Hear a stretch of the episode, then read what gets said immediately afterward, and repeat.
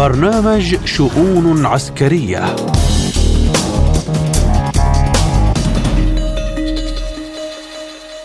تحية طيبة مستمعينا الكرام في كل مكان. على أثير إذاعة سبوتنيك في موسكو مع حلقة جديدة من برنامج شؤون عسكرية. أصحابكم فيها أنا محمد جمعة والبداية بأبرز العناوين إرسال قذائف اليورانيوم المنضب إلى أوكرانيا. أمريكا تحشد قواتها العسكرية على الحدود العراقية السورية. تحركات تثير الكثير من التساؤلات لدى الخبراء العسكريين. فمنهم من يراها نوع من الانتشار العسكري لمنع وصول الأسلحة إلى حزب الله اللبناني. ومنهم من يراها لإسقاط النظام في سوريا.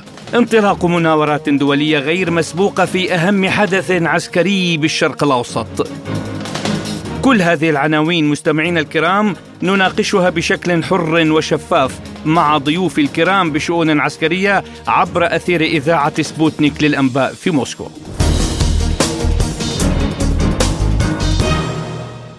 ونبدأ بالملف الأوكراني حيث تستمر العملية العسكرية الروسية في أوكرانيا محبط محاولات قوات كييف المستميته لاختراق دفاعاته على مختلف الجبهات ومكبده لها خسائر فادحة بالعتاد والأرواح.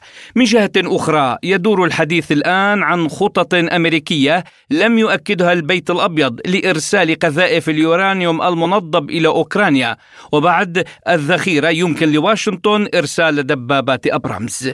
فيما تعتبر روسيا ذلك ارهابا دوليا والغرب يقوم بتوسيع حجم ونطاق الأسلحة المقدمة لنظام كييف لمحاربة روسيا حتى آخر أوكراني. ستكون روسيا طبعا قادرة على استخدام تفوقها العسكري لإجبار الولايات المتحدة وحلف الناتو على تذوق ثمار الهزيمة المرة والتراجع المخزي. وللحديث أكثر عن الحرب الأوكرانية وآخر تطورات العملية العسكرية الخاصة نستضيف معنا عبر الهاتف الخبير بالشأن الروسي الدكتور بسام البني. أهلا بك دكتور بسام في شؤون عسكرية. أهلا وسهلا بك محمد. وأبدأ معك بإدراج الولايات المتحدة لأول مرة قذائف خارقة للدروع تحتوي على اليورانيوم المنظف في الحزمة التالية من المساعدات العسكرية لكييف. دكتور ما مدى خطورة هذه المقذوفات ولماذا يصمت المجتمع الدولي على ذلك؟ يعني خطورة هذه المقذوفات أولا تعود على الأوكرانيين وعلى من سيستخدم هذه المقذوفات فكما تعلم عندما تم استخدامها في العراق وفي يوغوسلافيا تم ارتفاع نسبة الأمراض السرطان بعشرات المرات يعني وقد أثبت هذا الشيء أن المقاتلين الأمريكان الذين استخدموا هذه القذائف أيضا رفعوا دعاوي على دولتهم لأنهم أيضا ارتفعت بينهم نسبة الأمراض العضال. إذا نحن أمام مشهد غريب عجيب للأسف. آه، يعني هم أرادوا التضحية بأوكرانيا وأرادوا أن يحولوا أوكرانيا إلى أرض محروقة لا تصلح حتى للزراعة وكله في هدف إضعاف روسيا. هذا الأمر لن يتم لأن آه، روسيا ستنتصر في النهاية مهما حصل. أكيد. وسؤال آه، آخر يقول خبير يقول أنه رغبة كييف في العمل على إعادة شبه جزيرة القرم ستؤدي إلى عواقب وخيمة على القوات المسلحة الأوكرانية؟ دكتور هل يمكن أن يؤدي ذلك إلى تدمير أوكرانيا بالكامل إذا ما فكرت بإعادة القرم إلى كيانها؟ لا أعتقد أن أوكرانيا ستدمر بالكامل لأن روسيا تعمل على الأراضي الأوكرانية وكأنها ترتدي قفازات بيضاء.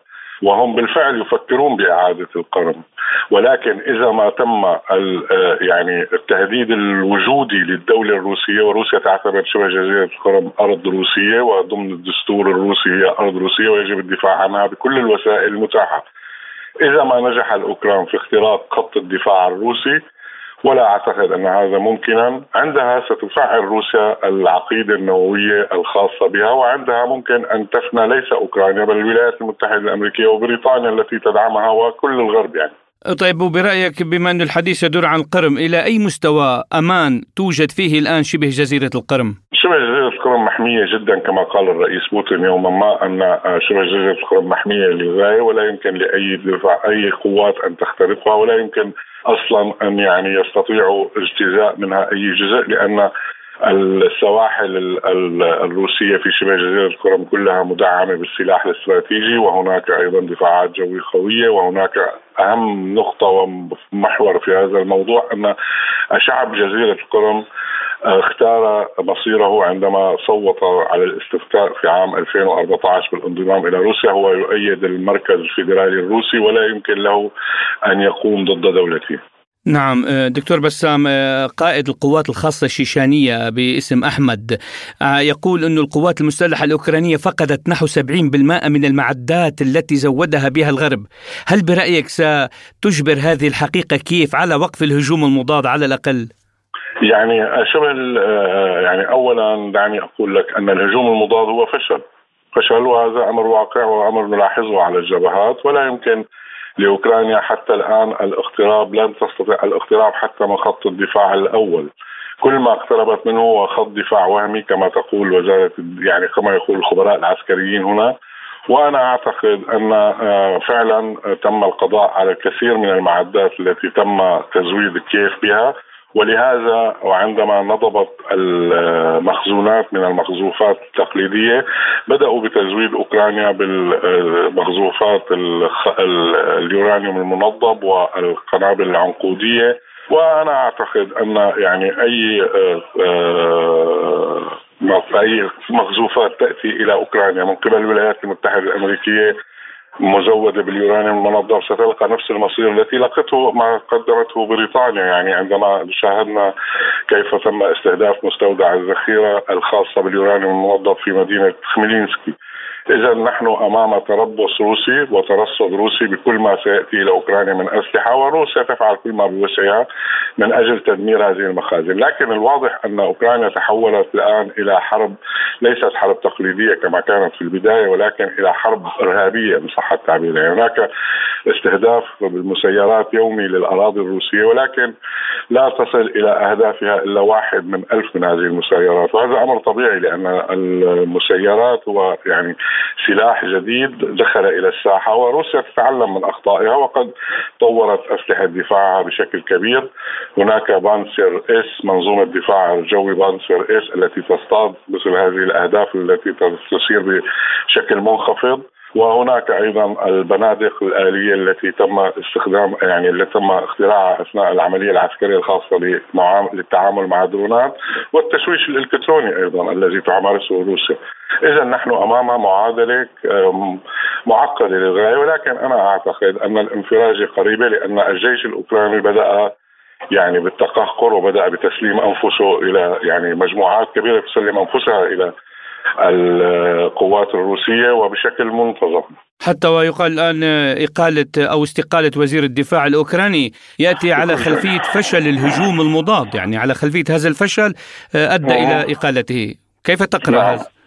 نعم يعني وأنا أقرأ ما ليس إقالة وزير الدفاع البريطاني بل من الأوكراني. وزير الدفاع الأوكراني بل تعيين المسلم آه، التتري من القرم وزيرا للدفاع. فهذا في إشارة واضحة إلى أن آه، يعني قرب على ما أعتقد ربما يكون قرب أوكرانيا أو تقرب أوكرانيا من بريطانيا لأننا كما نعلم تم تغيير وزير الدفاع البريطاني قبله وكما هو معلوم وزير الدفاع البريطاني مقرب من جماعة الإخوان المسلمين وتعيين آه، آه، وزير الدفاع الأوكراني المسلم التتري المقرب من تركيا جدا والذي يعني درس في الولايات المتحدة الأمريكية.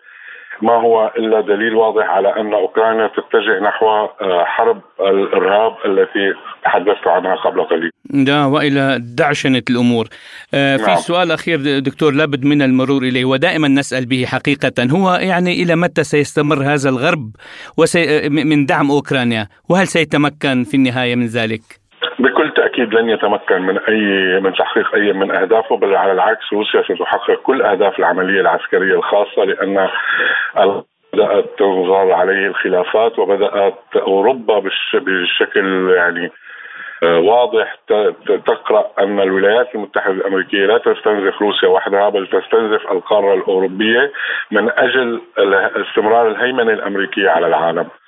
هذا يعني أن الصناعات العسكرية الأوروبية يصيبها العار في في آه، أوكرانيا والولايات المتحدة الأمريكية حتى الآن لم ترسل حتى دبابات آبرامز لأنها تخشى أن تصيبها العار كما اصاب الدبابات الألمانية ليوبارد أيضا أريد أن أشير إلى أن بريطانيا بعد أن شاهدت المصير الذي لقاه لقته دبابات الليوبارد أوعزت إلى كيف بعدم استخدام دبابات شيلينجر البريطانية في المعركة لأن كما نعلم يعني أو كما ألاحظ أنا أن الغرب حول أوكرانيا إلى مسرح للتجارب الأسلحة ولصراع الأسلحة وللدعاية والبروباغندا للأسلحة الغربية والأسلحة الروسية بنفس الوقت يعني. من ينتصر في النهاية سيكون له سوق السلاح العالمي وبريطانيا لا تريد أن تخسر هذا السوق والولايات المتحدة الأمريكية تريد أن تستحوذ عليه بشكل كامل لوحدها. نعم شكرا جزيلا لكم الخبير بالشأن الروسي الدكتور بسام البني كنت معنا ضيفا عزيزا ودائما معنا في شؤون عسكرية. أهلا وسهلا أستاذ محمد.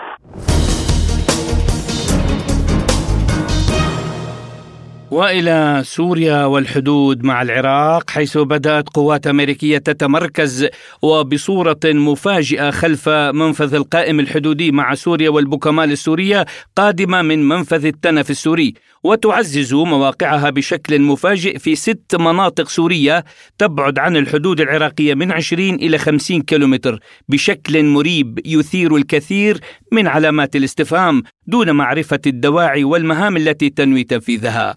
نعم منذ أسابيع لم تهدأ القوات الأمريكية على الحدود السورية العراقية وسط حديث متصاعد عن معركة قادمة في المنطقة فما سر هذه التحركات وما غايتها حول هذه التحركات قال الأمين العام لحزب الله اللبناني السيد حسن نصر الله ما يشاع أن الأمريكان يريدون إغلاق الحدود السورية العراقية هو مجرد أوهام ولن يسمح بذلك. وإذا أراد الأمريكيون أن يقاتلوا بأنفسهم أهلا وسهلا. وهذه هي المعركة الحقيقية التي ستغير كل المعادلات.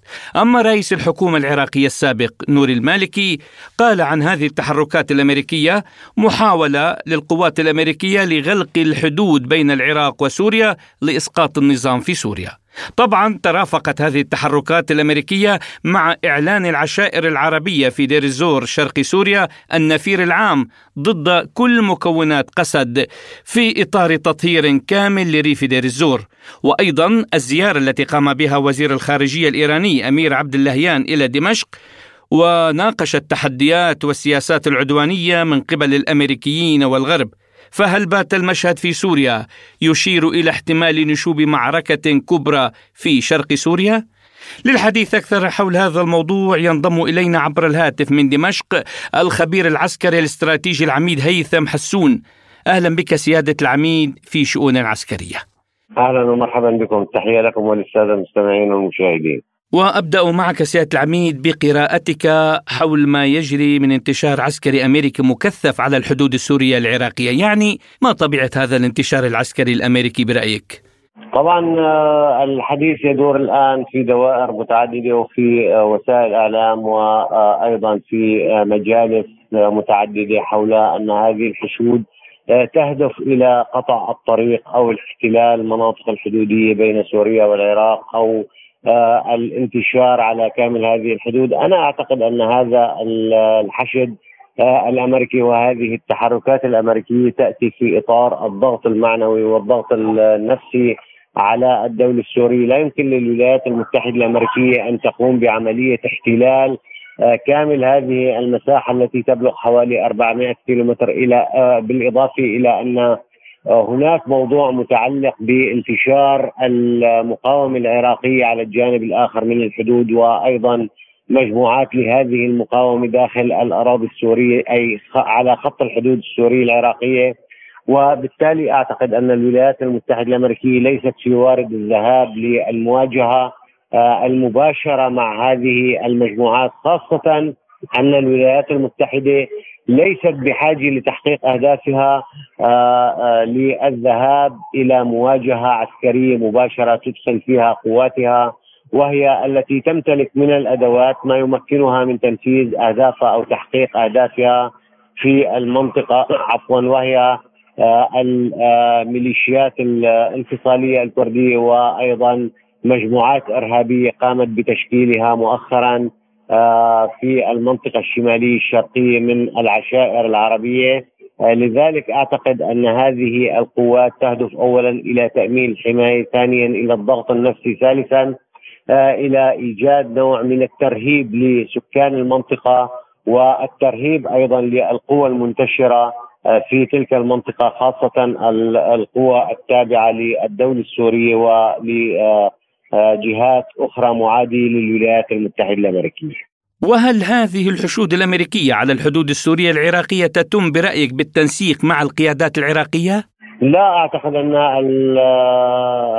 يعني الولايات المتحدة الأمريكية آه، لا تنسق مع أي قوة إقليمية في هذه المنطقة هي أساسا لا لا تثق بالقيادة العراقية آه، لا السياسيه ولا العسكريه بالإضافة إلى اتهام الولايات المتحدة الأمريكية للقياده العراقيه آه، بأنها ضعيفة أمام الحشد الشعبي وباقي فصائل المقاومة العراقية.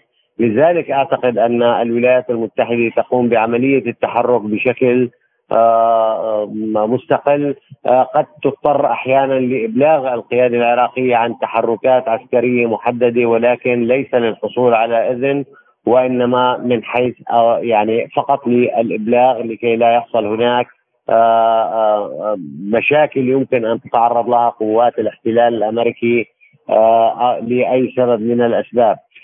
أيضا الولايات المتحدة الأمريكية تعتبر أن الساحة السورية هي ساحة تبادلية لقوات الاحتلال الأمريكي المنتشرة في العراق وبالتالي عملية الانتقال أو عملية التحشيد والتحرك بين المنطقة بين الساحتين السورية والعراقية تعتبرها قوات الاحتلال الأمريكي هي أمر طبيعي روتيني تدريبي أحيانا ولكن بالتأكيد ليس الهدف منه دائما تنفيذ عمليات عسكرية أو يعني الوصول إلى مرحلة صدام مع قوة إقليمية في تلك المنطقة.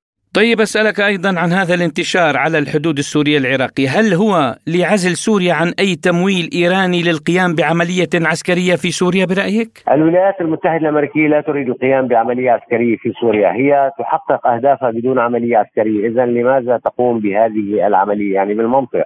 آه الأمر الآخر أن الولايات المتحدة الأمريكية آه تنتشر في مناطق آه واسعة ولا تمتلك قوة عسكرية كبيرة يعني مجمل القوات التي دخلت إلى الأراضي السورية آه، كانت أساسا بضعة مئات ثم انتقل هذا الرقم أو آه، ازداد هذا الرقم ليصل إلى حوالي 2000 الآن هناك أكثر من هذا الرقم ربما ضعف هذا الرقم ولكن بطبيعة الحال ليست قوة كافية لتأمين القيام بعملية عسكرية، الأمر الآخر أن الميليشيات الكردية التي كانت تعتمد عليها الولايات المتحدة الأمريكية آه، في الحماية.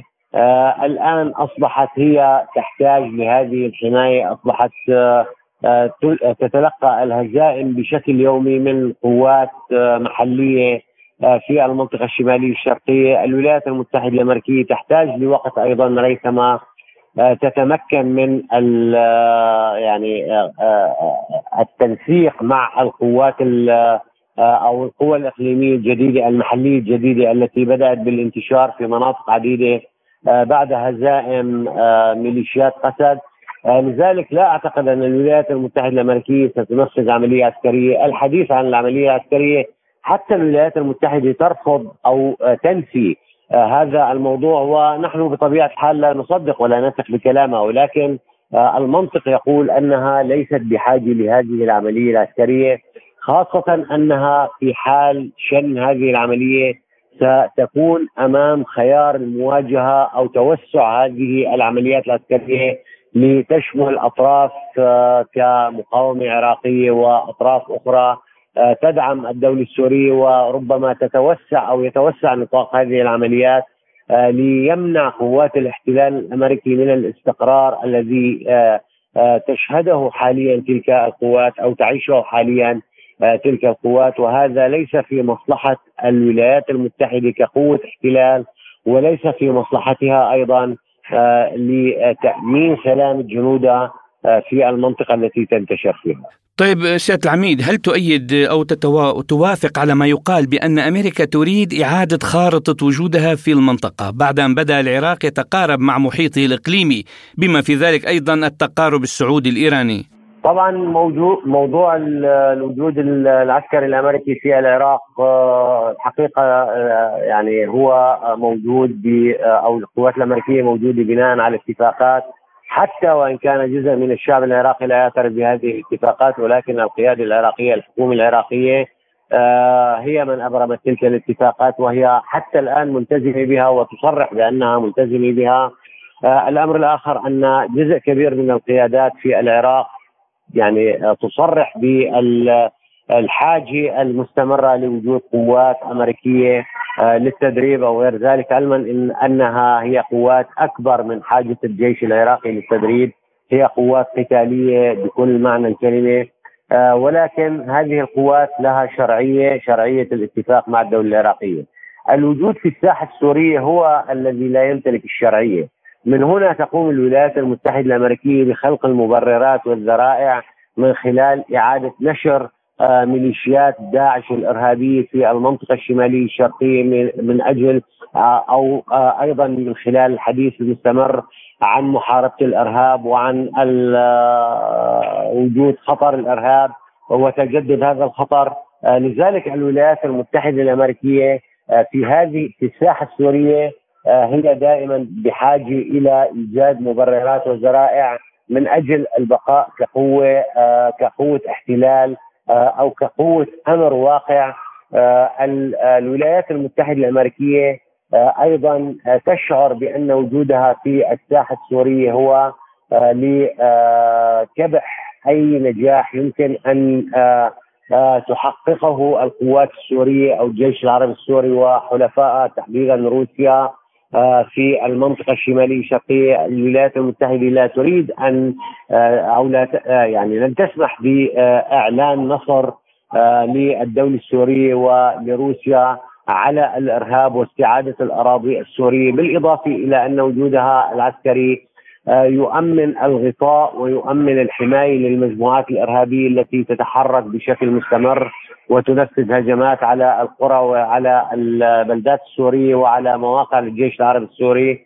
آه، لذلك هي حريصة على هذا البقاء. أيضا الولايات المتحدة الأمريكية تعتبر آه، أن الحدود السورية العراقية آه، التي يمكن أن تستخدمها الصين من أجل إتمام مشروع الحزام والطريق يجب أن لا يكون هناك يعني حالة من الاستقرار تسمح للصين بتنفيذ هذا المشروع في الأراضي السورية.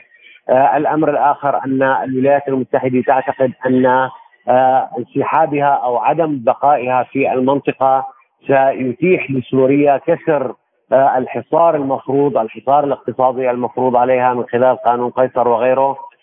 أمر آخر أن الولايات المتحدة الأمريكية تعتقد أن وجودها الحالي هو يضعف عملية التواصل بين إيران وبين المقاومة الإسلامية والفلسطينية آه، من خلال عدم السماح بحرية أو بسلامة التحرك آه، بين العراق وبين سوريا وبالتالي بين إيران وبين سوريا وما بعد سوريا.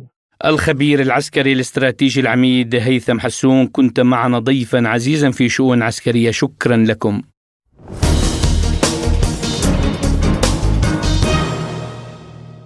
وإلى أم الدنيا إلى مصر التي تستقبل مناورات النجم الساطع 2023 في أكبر حدث عسكري بمنطقة الشرق الأوسط وبمشاركة ثمان دول. يعتبر تدريب النجم الساطع الذي انطلق في الحادي والثلاثين من أغسطس آب ويستمر حتى الرابع عشر من سبتمبر الجاري أهم وأكبر المناورات المشتركة في منطقة الشرق الأوسط. يشارك في التدريب أكثر من ثمانية آلاف مقاتل من 34 دولة ويستهدف تعزيز علاقات التعاون العسكري وبناء القدرات لمواجهة التهديدات والمخاطر المشتركة.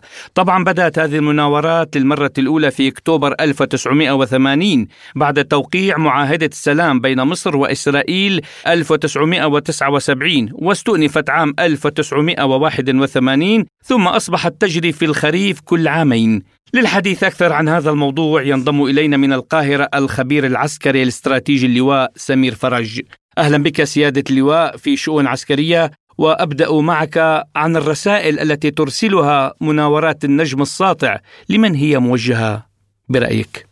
هذه الرسائل ليست موجهة لأحد ولكن هي موجهة للشعب المصري إن إحنا عندنا جيش قوي بينفذ أكبر تدريبات موجودة في في المنطقة الشرق الأوسط مع أقوى دول في في العالم الولايات المتحدة وباقي دول حلف الناتو وهذه الرسائل بتؤكد إن قدرة الجيش المصري على تأمين حدوده واستثماراته ولكنها ليست موجهة لأي دولة معينة. وعلى ماذا سيكون التركيز اذا في مناورات النجم الساطع هذا العام؟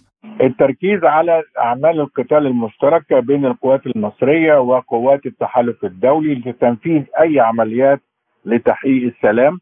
الحاجة الثانية مكافحة الإرهاب والتصدي لقوات الإرهاب. الحاجة الثانية اللي هو التصدي لعمليات الهجرة الغير قانونية اللي بتتم من الدول إلى أوروبا. دكتور أين تتجه العلاقات الأمريكية المصرية مع هذه المناورات التي تستأنف كل عامين؟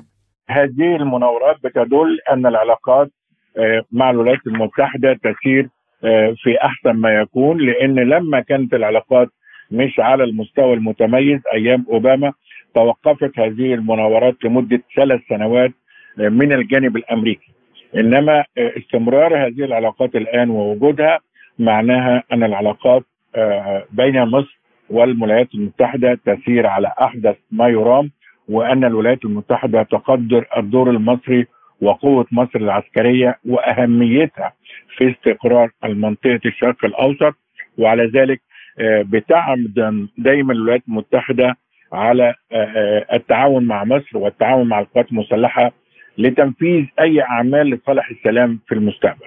تشارك في النجم الساطع ثمان دول أعضاء في حلف شمال الأطلسي، هي الولايات المتحدة الأمريكية وتركيا وهولندا واليونان، فرنسا، بريطانيا، ألمانيا وإيطاليا. دكتور، هل هذا يسحب البساط من تحت روسيا برأيك ويزج بمصر في معسكرات الغرب الأوروبي؟ لا لا لا لا هذا ال هذا ال لأنه بيتم من سنة 80 إحنا من سنة 80 وإحنا بننفذ هذا التدريب المشترك وليست له علاقة ان إحنا بنسحب العلاقة أو البساط من روسيا. آه آه هذا التمرين يتم كل عامين من سنة 80 وما زالت العلاقات قوية مع روسيا. إحنا روسيا بتعمل لنا المفاعل النووي في الضبعه بتعمل لنا أكبر منطقة استثمارية في قناة السويس. ما زلنا بناخد منها أسلحة. ما زالت هي مسؤولة عن تطوير المصانع الحربية المصرية اللي عملتها في الخمسينات من من العقد الماضي. وبالتالي ليست هناك أي مشاغل أو أو معوقات بين مصر وروسيا ومصر عندها يعني سياسة متزنة خارجية مع الولايات المتحدة الأمريكية مع دول الناتو مع روسيا مع الصين. فإحنا ما عندناش أي مشاكل مع أي دوله أخرى في المنطقة أو في العالم. ولكن هذه مناورات عسكرية وفيها ثماني دول أعضاء في الناتو. لا لا لا. من سنة 80 ما من سنة 80 بتتم إيه اللي جد جديد. اللي جد جديد لو أنا النهارده جبت دولة تانية عملتها. أقول لك الذي استجد الآن هو الحرب الأوكرانية والموقف العدائي للغرب الأوروبي ضد روسيا. إحنا ملناش دعوة بيها. هم بيحاربوا بعض بيتخانقوا مع بعض ملناش دعوة. مصر ليست طرفا في هذه الحرب وليست طرفا مع طرف مع مع جانب ضد جانب آخر. هذه المناورات بتتم من من سنة 80 وليست موجهة لأي حد خالص. الخبير العسكري الاستراتيجي اللواء سمير فرج كنت معنا ضيفا عزيزا في شؤون عسكرية. شكرا لكم وحياكم الله.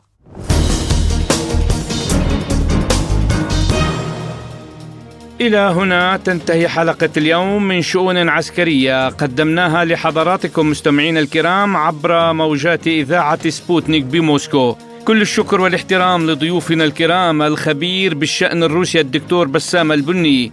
والخبير العسكري الاستراتيجي العميد هيثم حسون والخبير العسكري الاستراتيجي اللواء سمير فرج. وكنت معكم أنا محمد جمعة. شكرا لكم وإلى اللقاء.